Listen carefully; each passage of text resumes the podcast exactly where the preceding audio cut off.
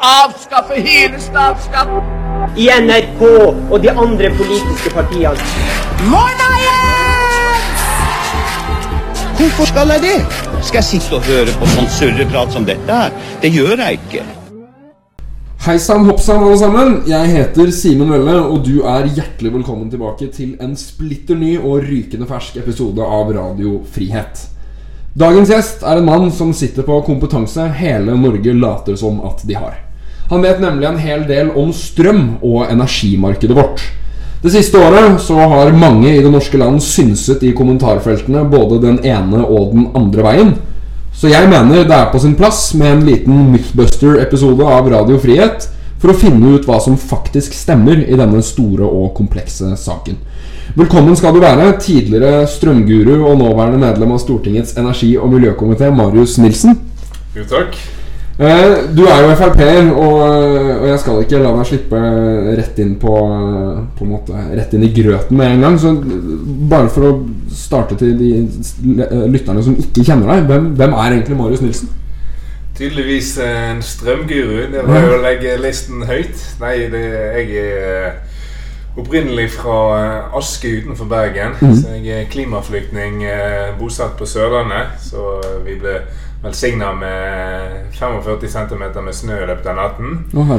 Så der uh, holder jeg hus. Og uh, min av utdannelse så har jeg energi- og elkraftingeniør og en master i industriell økonomi og teknologiledelse. Så du vet faktisk hva du snakker om?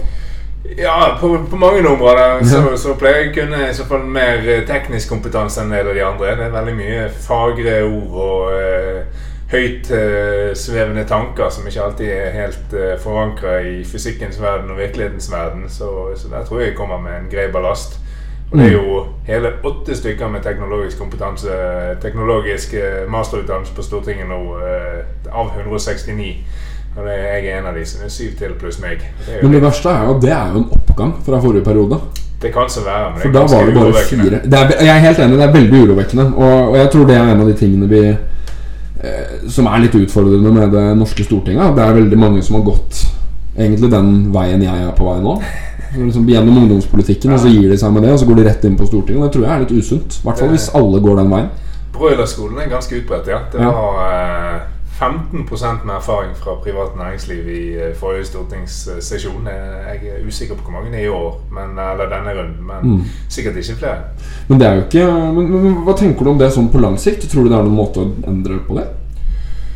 Det er ikke rett fram, da, for du har jo partienes forskjellige nominasjonsprosesser og alt. Det, det krever ganske mye å, å kombinere en, en, en, en hektisk eh, jobb eh, i, i det private, da, som ikke har så stort spillerom for å kunne ta fri på, på stortingsmøter Mm. Nei, på politiske møter og sånn. Mm. Eh, Kunne, kunne komme seg inn den veien. Det krever ganske mye, så jeg vet ikke. Det, vi hadde i så fall vært tjent med å få flere fra, fra privat næringsliv og gjerne med teknisk utdannelse inn, istedenfor kun statsvitere og de med uh, myke fag, som, som det er en god del av òg.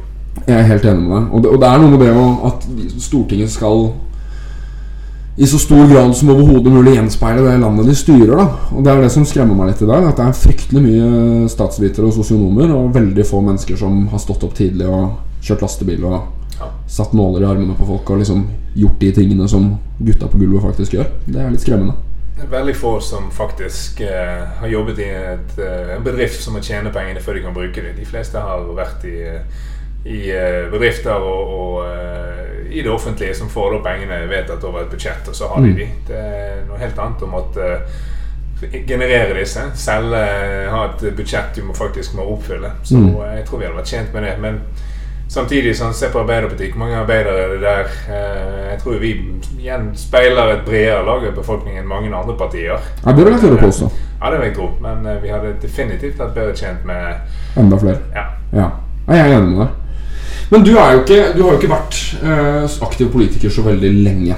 Du har jo ikke vært medlem mer enn noen få år, faktisk. Så jeg, så jeg tenkte Det kunne egentlig vært litt interessant det, også for min egen del. Hvordan vil du beskrive deg selv ideologisk? Ja, eh, hvis jeg skal svare FPU på og FPU-skolen og FPU eh, det som dere liker, så måtte man sagt eh, liberalistisk. Men jeg, er- en kombinasjon av flere ting. Jeg er realpolitisk orientert. Jeg er liberalistisk i markedssyn og på veldig mange områder, men ispedd da eh, en god del eh, konservatisme, eh, pragmatisme, ikke minst. Mm. Jeg er veldig opptatt av situasjonsbetinget politikk. Mm. Og så syns jeg det er intellektuell latskap å bare bekjenne seg til, til en ideologi og styre etter den. Så jeg, eh, mener eh, Ta nå med, med Ukraina-krigen og alt, og du har da matberedskap, og du har eh, medisinberedskap og lignende. Der mener jeg at uh, i enkelte anledninger så kan man ikke la markedet styre alt. Du må ha en, en aktiv stat som, som sørger for da, forsyningssikkerheten og innbyggernes ve og vel. Så på sånne områder så vil jo være litt uh, fravikende fra liberalismen som mener markedet skal ordne opp. Der tenker jeg at der er det viktigere med et real, realpolitisk syn, og at man da har uh, tar verdens realiteter enda mer inn over seg og agerer deretter. Og jeg er jo helt enig med deg. Og det er jo noe av det jeg liker godt med, med samspillet mellom FPU og Frp også. Nettopp det at vi, vi løfter de viktige prinsipielle diskusjonene, og så forholder dere dere til de diskusjonene i et litt mer litt mer realistisk eh, perspektiv. Da. Men jeg ser jo eh, Da jeg begynte å møte i gruppemøtene på Stortinget, så skjønte jeg at det handler jo ikke bare om de store tingene. Det handler jo veldig mye om de små tingene også. Og da er det greit å, å, å henge litt fast i virkeligheten. Absolutt. Men hva gjorde du før du kom til Stortinget? For du ble valgt inn i 2021, stemmer det? Eh, ja. Ja, for et drøyt år siden. Ja, ja, jeg Ja. måtte, måtte tenke. Ja, Men du er jo ikke 21 år gammel. Du har gjort noe før det òg? Stemmer det? Nei, jeg er blitt noen år eldre. Selv om jeg sikkert ser ut som jeg er 21. Så, Jo, naturligvis.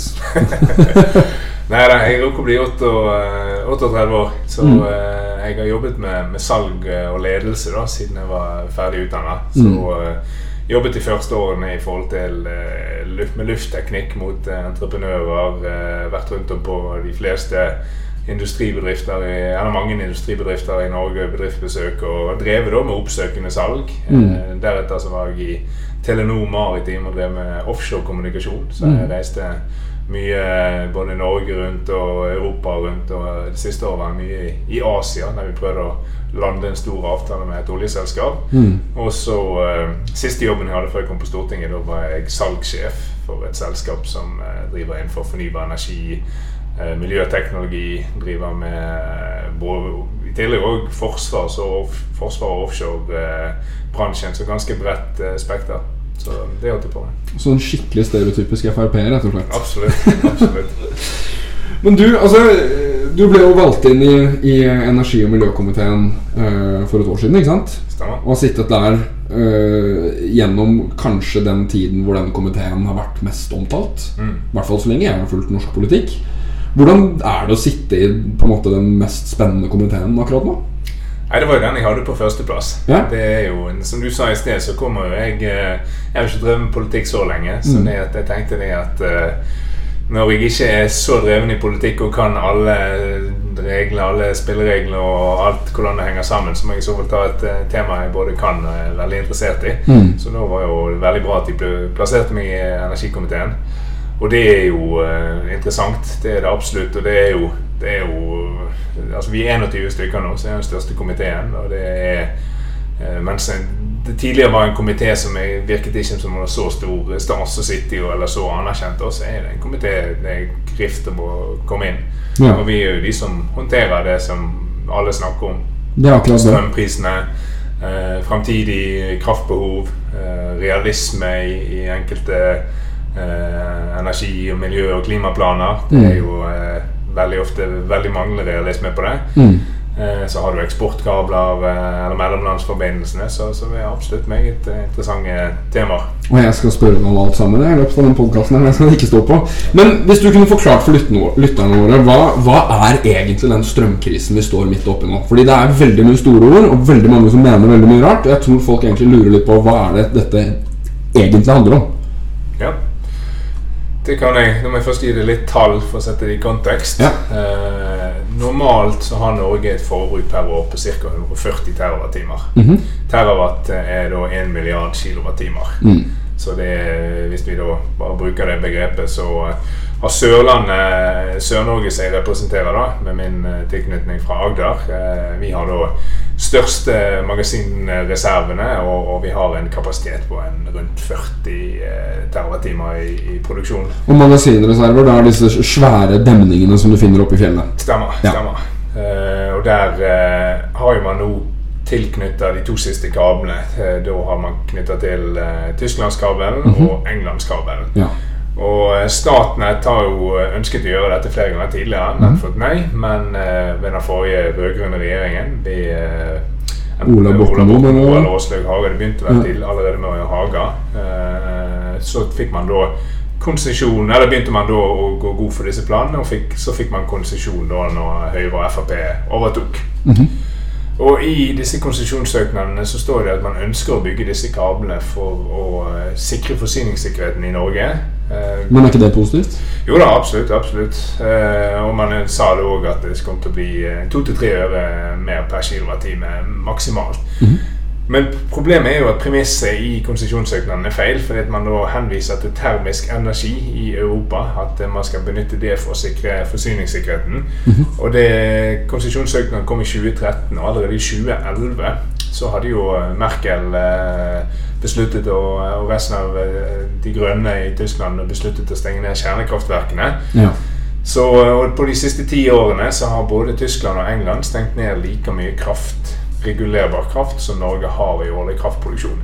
ja. Så man har istedenfor å øke forsyningssikkerheten, så har man redusert forsyningssikkerheten. Så enten så gikk, hadde ikke Statnett fulgt med i timen, eller så eh, underspilte de da eh, reelle fakta eh, framover. Begge deler er like ille og burde egentlig vært undersøkt videre.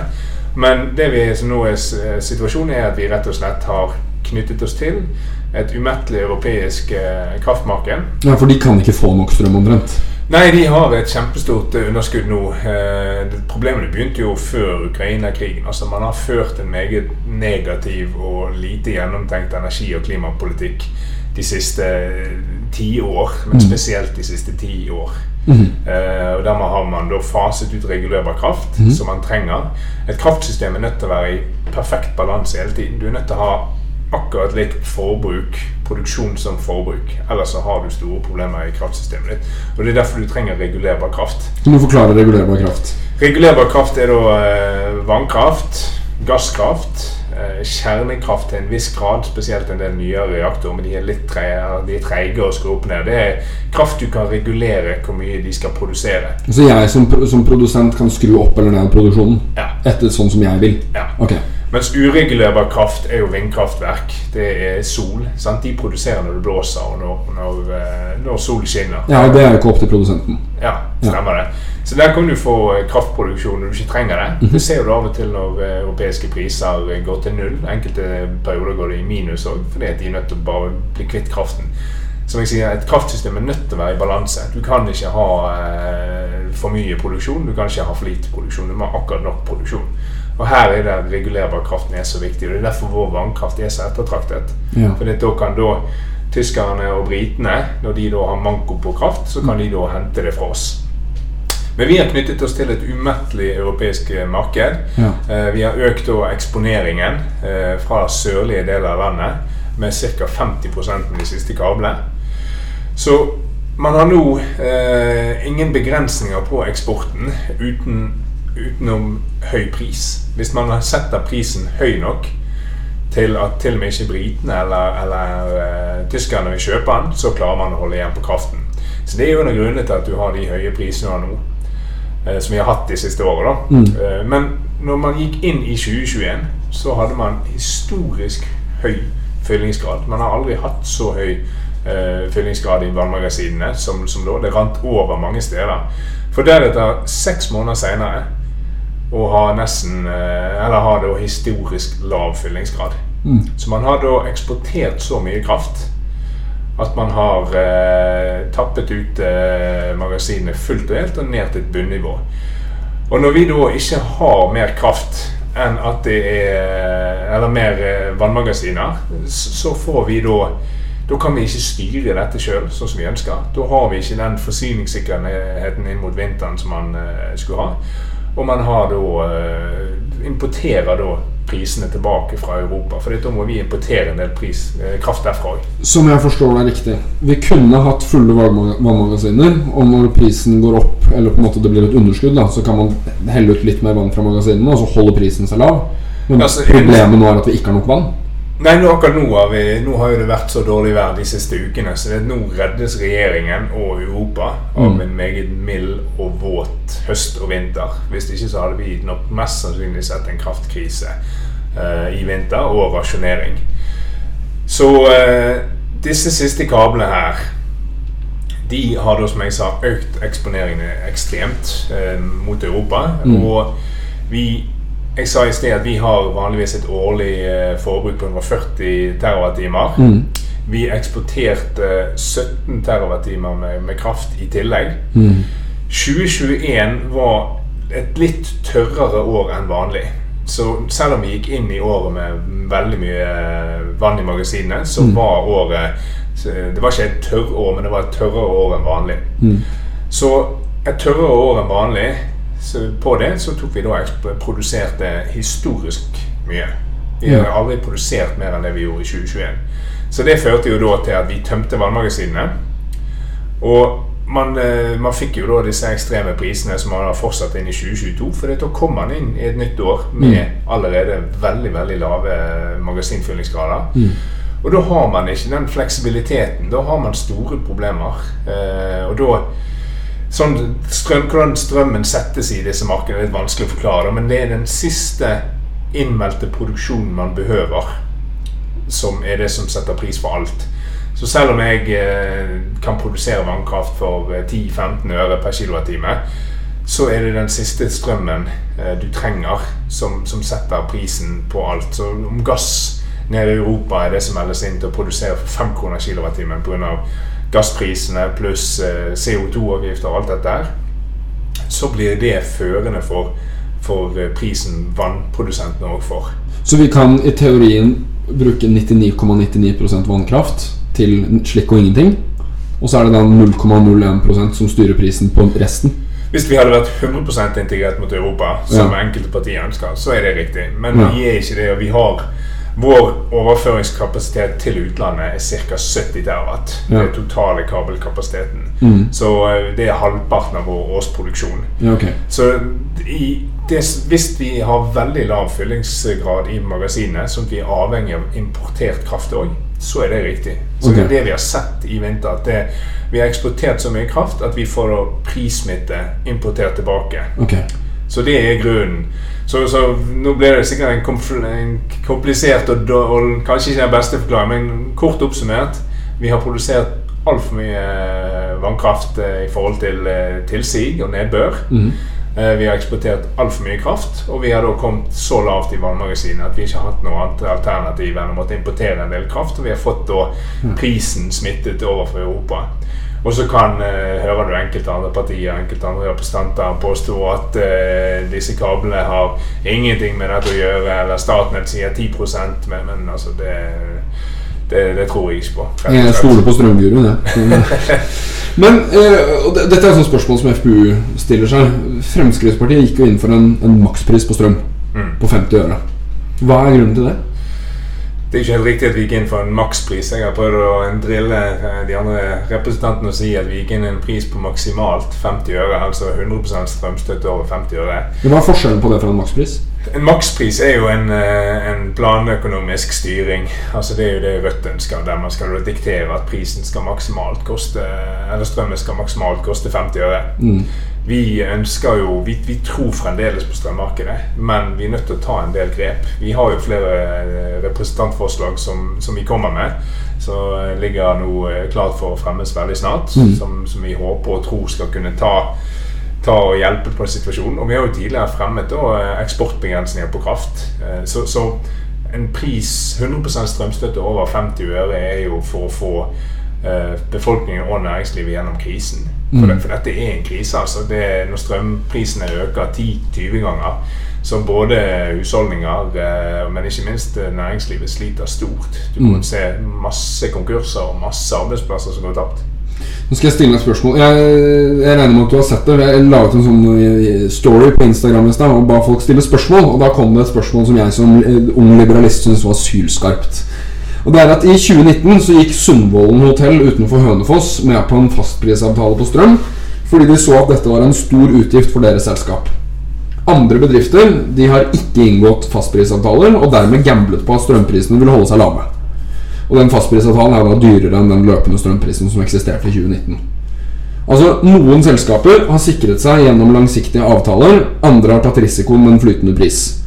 Hvorfor er det samfunnets oppgave å støtte de bedriftene som ikke har tenkt langsiktig? Ja, jeg, jeg, har ikke sett disse spørsmålene før. Jeg så bare at du hadde tagget meg, så alle blir som en overraskelse. Så det blir jo bra. Uh, nei, altså Fordi nedsiden er så mye større enn oppsiden her. Altså, Ja. Si at du nå De siste ti årene så har strømprisene historisk vært 30 øre per kilowattime. Hvis du tegner deg en eh, fastprisavtale på 40 øre per kilowattime, så kan du maksimal Og prisen går til null. I Norge så med regulerbar kraft så vil den aldri gå lenger enn til null. Og den vil, vil med stor sannsynlighet ikke gå til null òg. Eh, så kan du maksimalt da måtte betale 40 øre mer, per kilowattime.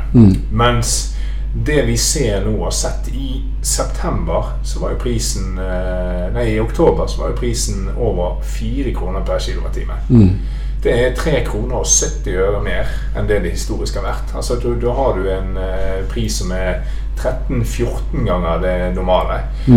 Og Én ting er hvis dette hadde vært private som eide kraften, og eh, det hadde vært eh, pga. at eh, markedet Eller vi, vi hadde en kraftkrise i Norge, men det har vi ikke. Vi har da Statkraft har eksportert kraft og ikke planlagt godt nok i forhold til å ha fornuftig forsyningsnivå. Og de andre, andre produsentene har gjort det òg. Og det, alle kraftprodusentene er jo 90-95 statlig og offentlig eid. Så dette er jo bare som en ekstra beskatning og eh, Altså dette er en konfiskering av verdier.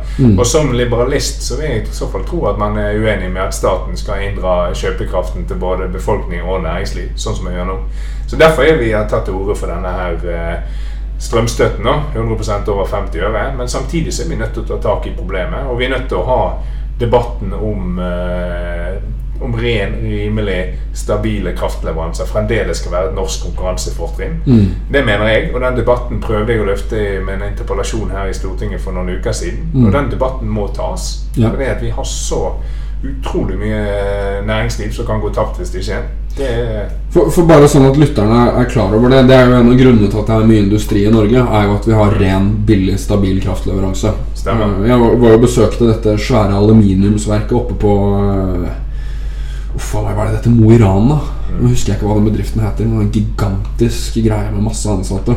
Og der er det jo Det er jo en, et helt tettsted oppe i Nord-Norge som livnærer seg rundt et par industribedrifter. Og de får jo muligheten til å konkurrere med kinesere, indere, eh, indonesere osv. fordi norsk kraft historisk har vært så billig. Så, så jeg, Det er ganske viktig å, å få med det at historisk så er det det som er en av grunnene til at det etableres såpass mye industrielle arbeidsplasser i Norge. Nettopp det at vi har vannkraft.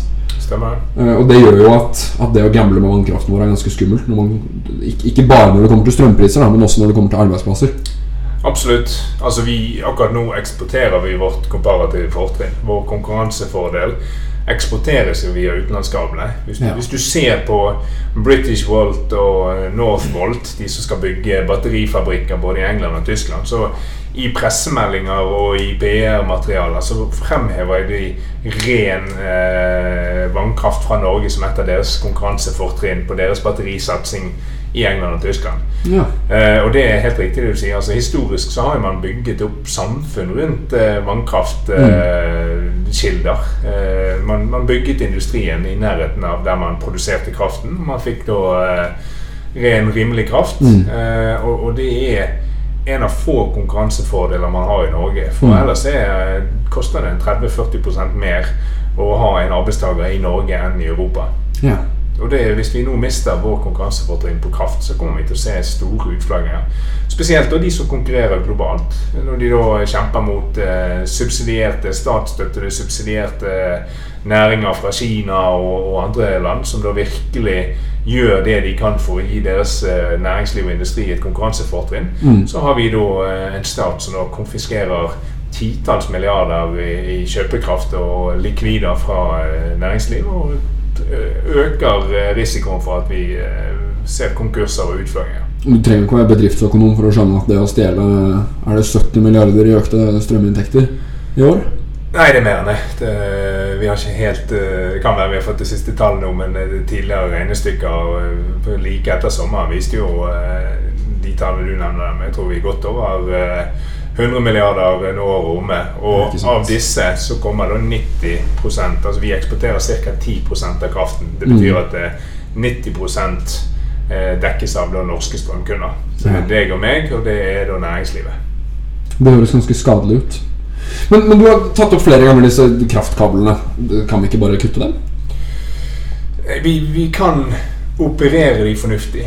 Fordi at eh, de har avtalene Vi, har nå, vi fremmet jo nå, eh, når Stortinget tredde sammen på dette ekstraordinære møtet i september, så foreslo vi åtte forslag. Deriblant å gi regjeringen mandat til å eh, starte reforhandling av avtalene med eh, England og med Tyskland. For det er disse to siste kablene som er de mest eh, prekære å ta tak i. Det er de som er størst. De har da, som jeg nevnte, 13 TWh med kapasitet hver. Eh, mens da England og Tysk, nei, Nederland og Danmark så, og lignende, de er ikke så store. Eh, og eh, vi har gitt dem forslaget der om at de skal kunne få uh, mandat til å reforhandle, og om nødvendig Hvis ikke vi innrømmes noen bedre avtaler med England og Tyskland, så kan de si opp disse avta- kabelavtalene. Ja. Og det er Vi er bedre tjent med å ikke kunne eksportere. Fordi at med deres planlagte energipolitikk framover, så kommer de til å ha vedvarende store kraftunderskudd over lang tid. Og de kommer òg primært til å ha uregulerbar kraft. Det er ikke sånn kraft som vi kan importere når vi nødvendigvis behøver det. Mm. Samtidig kan vi flekse litt mer med det siden vi har da den regulerbare vannkraften. Men Mm. eh, vi er ikke tjent med å importere de europeiske prisene. Nei. Det tror jeg de fleste nordmenn vil si seg relativt enig i akkurat nå. Men, men, men du nevnte et eller annet med, med dette langvarige kraftunderskuddet. Og det er jo en ting som jeg mener blir litt på en måte underkommunisert i denne debatten. her Er jo at Grunnen til at strømprisene er så høye, er jo at Altså det er jo ikke strømprisene som er problemet. Det er jo det at vi har for lite kraft. Både eh, fornybar og fossil og regulerbar og ikke-regulerbar. Det er for lite kraft, på en måte. Spesielt etter at Russland har trukket seg ut av eh, Eller trukket mye av gassen sin fra Europa. Og altså hva, hva, tror du, hva tenker du Norge bør satse på av kraftutbygging? Syns du vi skal satse på kraftutbygging? Ja, altså Europa har for lite kraft. Norge har tilstrekkelig kraft hvis vi bare opererer utenlandskablene fornuftig. Mm. Vi er selvforsynt med kraft, og vi har noen, kun noen få år i altså, Hvis du ser på gjennomsnittet de, de siste tiårene, så har vi da eh, eksportert eh, i, i gjennomsnitt hvert tiår. Enkelte år har vi måttet importere en del. Eh, mens Europa da har jo gått helt motsatt vei, og de har da stengt ned gasskraftverk, de har stengt ned kjernekraftverk. Tyskerne har eh, stengt jo ned eh, 14 kjernekraftverk, eh, som er da ren teknologi. Du har da da atomavfallet, restverdien i brenselet, men det kan med stor sannsynlighet utnyttes med fjerde generasjons eh, kjernekraftreaktorer, som, som blir meget interessant. Eh, Men de har ført en meget negativ energipolitikk. Og eh, nå, for å kunne opprettholde kraftproduksjon i vinter, så har jo tyskerne leid inn eh, to oljekraftverk på lektere. Så det er da den miljøvennlige eller energipolitikken deres. og, og bare om jeg tolker det her riktig Så de stenger atomkraftverk, Yes. og så bygger de opp Eller leier inn da oljekraftverk og brenner olje istedenfor å ha atomreaktorer. Det er det samme som svenskene gjør. Forrige regjering stengte jo ned eh, Ringhals 1, Ringhals 2-reaktoren i Gøteborg. Ja. Eh, og det, nå har de problemer med Ringhals 4, da, men det er vedlikeholds og, og trøbbel der. Så de har hatt så eh, knapphet på strøm eh, og kraft at de har måttet starte da, oljekraftverket i Karlshamn. Og det er ah, Jeg husker aldri det. Enten er det 70 000 liter, eller så er det 140 000 liter i timen med olje som brennes der. der. fy faen. Så da eh, stenger man ned eh, utslippsfri eh, kjernekraft, og så skal man redde verden. Og så viser det seg da at Vinden er ikke så lett å diktere. Den blåser når det blåser, og solen den kommer når den kommer. Så Mm. du har da store problemer med, med kraftnettet ditt. Mm. Fordi at du faser ut og regulerbar kraft. Og som jeg har nevnt mange ganger allerede, men det, det kan ikke understrykes nok. Du er nødt til å ha regulerbar kraft. Du er nødt til å ha da, roterende masse. Du er nødt til å ha et Nettet er nødt til å ha ja, stivhet nok og alt eh, altså Være robust nok til at du Hvis du har da plutselig store innkoblinger som krever mye kraft, eller plutselig store utkoblinger, så må du kunne regulere dette fram og tilbake, sånn at nettet ditt er stabilt 50 hertz. Mm. Ellers får du problemer. Ja. Og eh, jeg mener jo altså nå i, eh, i 2012 så eh, lagde vi da eh, rør til, til Tyskland og eh, løsninger der. Mm. Og da fikk vi beskjed da at eh, de ville ikke ha så stor kapasitet som vi ønsket å levere, for de ville belage seg på å importere gass fra Russland. Ja. Så her har man da ført en energipolitikk der man har stengt ned sin egen produksjon uten at man har fullgode andre alternativer. Men det å, at vi skal eksportere all vår vannkraft vil ikke hjelpe en ting. Eh, russisk gass som nå fases ut, er ca. 1500 TWh. Mm. Vi var før eh, nest største gassleverandør til Europa. Nå er vi størst eh, nå når Russland fases ut. Vi leverer i år 1350 TWh med gass. Hvis du setter det opp mot de 17 som vi eksporterer med vann, så er det jo ganske tydelig hva som faktisk monner. Så en, eh, vi leverer 75-76 ganger mer eh, kraft fra gass enn Mm. fra, eh, fra vannet. Men nå har jo til og med, til og med MDG har jo tatt inn over seg at vi er nødt til å eksportere gass en stund framover. Men så er jo spørsmålet, og jeg er jo øh, veldig på den linjen med at jeg syns vi skal fortsette å utvinne olje og gass. Jeg mener at det er fornuftig. Jeg tror vi kommer til å trenge det. Ikke nødvendigvis til å brenne biler og lage strøm, men petrokjemisk industri osv. Olje og gass er viktig. Men øh, altså, gass og gasskraftverk er jo en, en regulerbar kraftkilde. Eh, tror du det er mulig å, å, å på en måte løse energisituasjonen til Europa på sikt uten fossile brennstoff? Nei. Eh, og det bare, Jeg skal bare sluttføre det eh, resonnementet mitt på i sted. For jeg tror vi kommer til å trenge mer kraftproduksjon i Norge òg. Mhm. spesielt andre, de, alle de andre partiene. For der, de skal jo bruke kraft til alt. Alt fra Ja. elektrifisering av sokkel til en batterifabrikk på ethvert nes. Og det er helt eh, utopiske planer de har, og det er ingen energiregnskap i så fall. De er Nei. meget opptatt av klimaregnskap med egen bok. Men jeg skulle likt å se deres energiregnskap. Det holder vi på å utarbeide, og det kommer Mm. vi til å fremme eh, forslag om òg. Så eh, det bør de andre ha òg. Men Europa må jo òg Du skulle tro at den situasjonen nå hadde fått de til å snu litt. Eh, fått de til å innse realitetene. Men istedenfor så går jo Europa De dobler eh, hastigheten. Det er litt sånn eh, game, hva det heter, chicken race eller game of chicken. Der hvem som skal vike unna først. Her har man da Tyskerne prøvd å energivende med Merkel, der man skulle fase ut eh, fossil energi og kjernekraft, som ikke er fossil energi, eh, med å bygge en eh, fornybar energi. Og de har Mm. brukt eh, Estimatene varierer da med 6000-8000 milliarder kroner. Og de har et kraftsystem som er dårligere nå enn noensinne.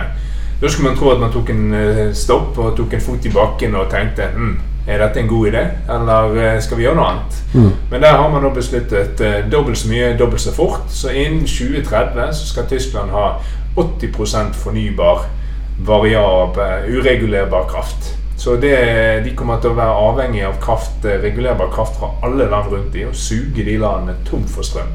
Er fullstendig utopisk. Og hvis de andre landene gjør det samme, så vil hele nettet kunne eh, bryte sammen. Jeg, jeg, jeg tipper at det er et spørsmål som er vanskelig å svare på, men sånn cirka hvor stor del av energimiksen trenger å være regulerbar for at det skal gå opp?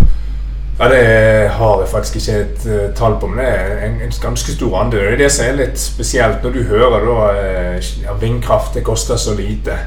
Ja, men det er kraft hvis du kun skal ha vindkraft. Så må du da dusje og lage mat når det blåser. Det, det Mm. har en større kostnad, for du er nødt til å ha balansekraft som er der når ikke vindkraften eh, produserer. Så det blir altfor underkommunisert. Så det er når, når folk påstår det, ja, det vil bare være en, en, kraft, en produksjonskostnad på x antall øre. Så ja, men hva med resten av systemet? da? Hvor mye vil eh, systemkostnadene Men bare òg eh, Jeg har, tydeligvis for lange eh, utledninger, men Nei. ja, vi trenger, eh, vi trenger mer kraft. Eh. Europa trenger mer kraft, og jeg mener vi bør absolutt produsere leite etter mer olje og gass. Det er en del av løsningen. Alle debatter dere skal i mot MDG og andre klimafantaster, be de lese hele rapportene. Be de lese i eh, IEA, altså Internasjonale energibyrå, sine prognoser for 2050. Da er det fremdeles eh, 20-25 millioner fat med olje om dagen og ca. 50% gassforbruk som i dag.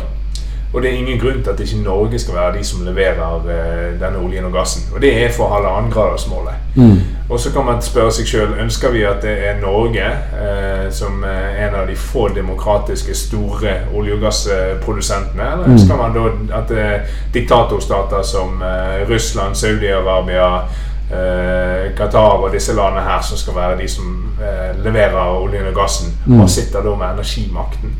For det er en ting som er sikkert, som det siste året har vist oss, det er at energi er makt. Absolutt. Så eh, vi bør absolutt eh, lete etter mer olje og gass. Vi bør produsere og eksportere mer olje og gass.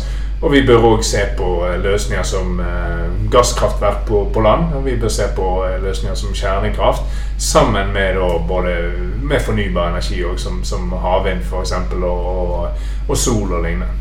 Hvis vi tar en kjapp sånn ja-nei-runde, hva tenker du om vindmøller på land? Eh, I Norge, vel å merke. Ja, enkelte steder er jo det, kan jo være fornuftig. Altså, det har kjempestore naturinngrep, og ofte er det karbon-klimaregnskapet negativt fordi du må myren og alt der Mm. slippe ut enormt med CO2 når du skal gjøre ting. Mm. Men sånn som ta Finnmark, da. Der Ja. de har eh, altså Fylket er jo gigantisk og Mm. veldig få folk og gode vindressurser. Der kan det brukes til å produsere hydrogen, ammoniakk og lignende. Mm. Jeg er ganske enig i Frp sin holdning der, altså, med at eh, det bør være opp til eh, lokale folkeavstemninger. Mm. Eh, så jeg er ikke Jeg syns enkelte steder er det fornuftig, men de fleste stedene er det ikke. Mm. Det syns jeg var et langt ja-nei-svar. Hva, med, hva med kjernekraftverk i Norge, da? Nå vet jeg at Frp har fattet et litt sånn Jeg vil kanskje ikke si vinglete bentak, men vi har vel egentlig bare sagt at vi har lyst til å se på mulighetene våre. Og ikke så veldig mye mer enn det. Du som eh, energimann, hva tenker Ja. du? Ja, vi har jo hatt veldig mange interessante møter om kjernekraft i det siste. Mm. Eh, Vi har vært ute for å få mer informasjon og kunnskap her og hatt møte med, med Hesthammer og Sunniva Rose i, i Norsk Kjernekraft, Mm. mm. Trond Moen-selskapet. Og så har vi òg hatt professor Emblemsvåg eh, på besøk for å lære oss mer. Så er det meget spennende. Vi har eh, holder på med et uh, representantforslag om det uh, Mm. så, som kommer. Som uh, vi trenger mer eh, kunnskap. Vi trenger mer eh, fakta på bordet. Vi Mm. trenger bedre beslutningsgrunnlag. Men eh, det er en spennende teknologi også for Norge. Ville du hatt et kjernekraft i ditt nabolag? De siste generasjons eh, kjernekraftverk så tror jeg det ville vært eh, ok. ja. Det, er, altså, en demning kan jo briste, den òg. Du ser den ene demningen i bergensområdet der du ser en skole like nedenfor eh, et eh, ja, 100-200 meter høyt vannspeil.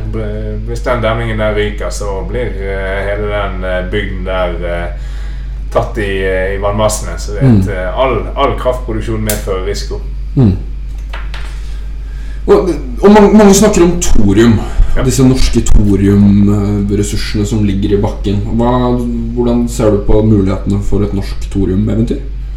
Det er absolutt til stede. Eh, Jeg har stilt et spørsmål om det til olje- og energiministeren tidligere. som eh, I likhet med resten av eh, tanken deres på kjernekraft, så avviste de det fullstendig at det var noe grunnlag for å utvinne det. Men Ja. eh, vi har jo masse av det. Det er vel i Telemark-området, hvis jeg husker riktig. Ja, det er noen av verdens største stemmer. ressurser som ligger i bakken. Ja, jeg tror absolutt det kan være en interessant eh, et interessant område å utforske videre på. Så, så er det positivt at vi eh, får mer fakta der òg. Jeg vil gjerne ha skikkelige tall på bordet, men jeg tror thorium kommer til å bli Når teknologien blir ferdig utviklet og moden, så tror jeg det kommer til å bli en av fremtidens energikilder. Ja, det er jeg helt enig med. Jeg tror, jeg tror vi, vi, vi går mot en kjernekraftdebatt som man bare er nødt til å forholde seg til. Og jeg, og jeg er veldig enig med deg at hvis jeg snakker med min mor for eksempel, om kjernekraft, så er jo hennes reaksjon er Fukushima og Tsjernobyl med en gang. Men en, en viktig ting å ta inn over seg der er jo at eh, Tsjernobyl var et sovjetisk kraftverk som ble bygget fullstendig uten HMS-regler og, og inspeksjoner og, og noen retningslinjer i det hele tatt. Og Fukushima ble tatt av en tsunami. Mm. Og, og, og ingen av de to tingene vil jo skje i Norge. Nei, og det er jo Europa som helhet er jo et veldig bra område å ha kjernekraft i. Fordi Mm. det er jo da geologisk rolig. Mm. Sant? Eh, Du har da ikke eh, tsunamier og sånne ting, og, og mye mindre grad av jordskjelv enn andre steder. Men eh, det som er viktigst, er jo det at de, de, de nye kjernekraft eh, modellene i, i stor grad, i så fall den enkelte av de, de bygges jo ikke på samme vis som tidligere. De har mye større sikkerhetssystemer, og da, du må gjerne da tilføre energi for å holde prosessen i gang, i motsetning til å Tsjernobyl, som hvis du ikke Der måtte du kontrollere prosessen, og når da den gikk eh, spant ut av kontroll, så bare eskalerer det helt til du får eh, eksplosjon og det, det, det scenarioet vi så der. Så Mm. nye, de nye kjernekraftteknologiene er vesentlig mer uh, sikre. De er så sikre at du ville funnet på å bo i nærheten. Ja, jeg tror det. Så jeg uh, For, for meg er det på en måte den, det er den testen om du faktisk stoler på teknologien. Er du villig til å ha det som nabo? Ja, ja og det, når, jeg, når jeg snakket om disse her vi møtte her tidligere, de nevnte jo det at uh, kravene til uh, strålingsnivå på kjernekraftverket er jo såpass strenge nå at eh, i så fall i Norge at eh, Nationaltheatret, jernbanestasjonen, har jo høyest strålingsnivå enn det som hadde vært tillatt i eh, kjernekraftverk. Så det, det hadde ikke vært godkjent. eh, Der går jeg gjennom hver morgen. Så den strålingen der er høyere enn det som er godkjent eh, fra et kjernekraftverk i dag i dag. Ja, jeg, jeg mener altså Hvis du røyker sigaretter, så får du også helt enormt med strålingen der, Gjør du ikke det? Ja, Hvis du flyr òg. Eh, Mm. Stråling fra verdensrommet. Hvis du er piloter og lignende, har jo vesentlig høyere stråling enn eh, de fleste av oss andre. For romstråling eh, hele tiden. Så eh, det er mye spennende som skjer. Det er kjempemasse utvikling på det globalt. Og som et minimum så bør Norge være med på den utviklingen. Vi har drevet med forskning og utvikling på kjernekraftverk i, eller kjernekraft i, i 70 år. eh, Og har da et godt eh, grunnlag eh, for videre satsing der. Vi skal, vi skal begynne å gå inn for landing, men, men hvis du Marius, hadde hatt en, en tryllestav og var diktator i Norge, hvordan hadde du løst disse utfordringene vi står overfor? Da hadde jeg eh, Hvis vi hadde sittet med tryllestaver, da hadde jeg først og fremst tatt og endret på reguleringen på krafteksport. eh, da hadde jeg vårt forslag om krafteksport eh, kun når vi har eh, sikret egen forsyningssikkerhet og vi hadde et overskudd som hadde ga normale priser i Norge slått inn. For det, vi nødt altså, vi, vi må ha som ambisjon og plan å komme tilbake til historiske normale priser i Norge. Det er Samfunnet vårt er bygd opp på det, så vi er nødt til å ha rimelige priser igjen. Mm. Og ellers så hadde jeg eh, gjerne lagt til rette for masse av de industriprosjektene som er i gang. Vi kan være enige eller uenige i enkelte av teknologiene og teknologivalg, men det er, det er stor etterspørsel etter disse teknologiene globalt. Så det er, eksport, det er eksportmuligheter her. Så vi måtte ha hatt ny og mer kraftproduksjon. Vi hadde letet etter mer olje og gass og, og bygget mer eh, ut der. Ellers da prøvd å støtte opp under eh, en del gründerinitiativer og, og sånt. Prøvd å gjøre Ingen grunn til at ikke Norge skal kunne ta en førende rolle på enkelte kraft- eh, og energiområder. Vi Mm. har eh, god kompetanse på subsea, eh, vi har god kompetanse på forankring, og vi er vi, er, vi har meget god kompetanse på sikkerhet og eh, drift. Så eh, store muligheter har det lagt der. Men da er du nødt til å legge til rette for det. Du kan ikke ha da politikk som begrenser, Mm. eh, i den grad man ser nå. Når du ser nå næringspolitikk, eh, 3 av næringslivslederne sier de er fornøyd med, med regjeringens politikk, så er man fullstendig på villspor. Så det skulle vært eh, i god gammel eh, Frp-ånd, da, ja-politikk, der man Mm. hadde ønsket å legge til rette for utvikling og, og gründervirksomhet og eh, eksporteventyr. Mm. Og da eh, sammen, samtidig da evnet å huske at det viktigste, er å, viktigste jobben på energimarkedet er å sørge for eh, forsyningssikkerheten og eh, fornuftige priser i Norge først og fremst. Marius et Norge høres ut som et land som jeg ville funnet på bordet. Altså. Tusen takk for en veldig oppklarende samtale. Jeg tror eh, alle som har lyttet til denne samtalen, vet betydelig mer om hvordan denne strømkrisen egentlig henger sammen etter den, etter den praten her. Så det setter jeg veldig pris på, Marius. Og masse lykke til med tiden framover i Stortinget. Det er mye viktige forslag som skal fremmes, og forhåpentligvis noen løsninger som skal komme på plass. Takk skal du ha for det. Jeg håper jeg bidrar til å oppklare og ikke ytterligere forvirre. Fantastisk. Tusen takk for praten. Takk for meg.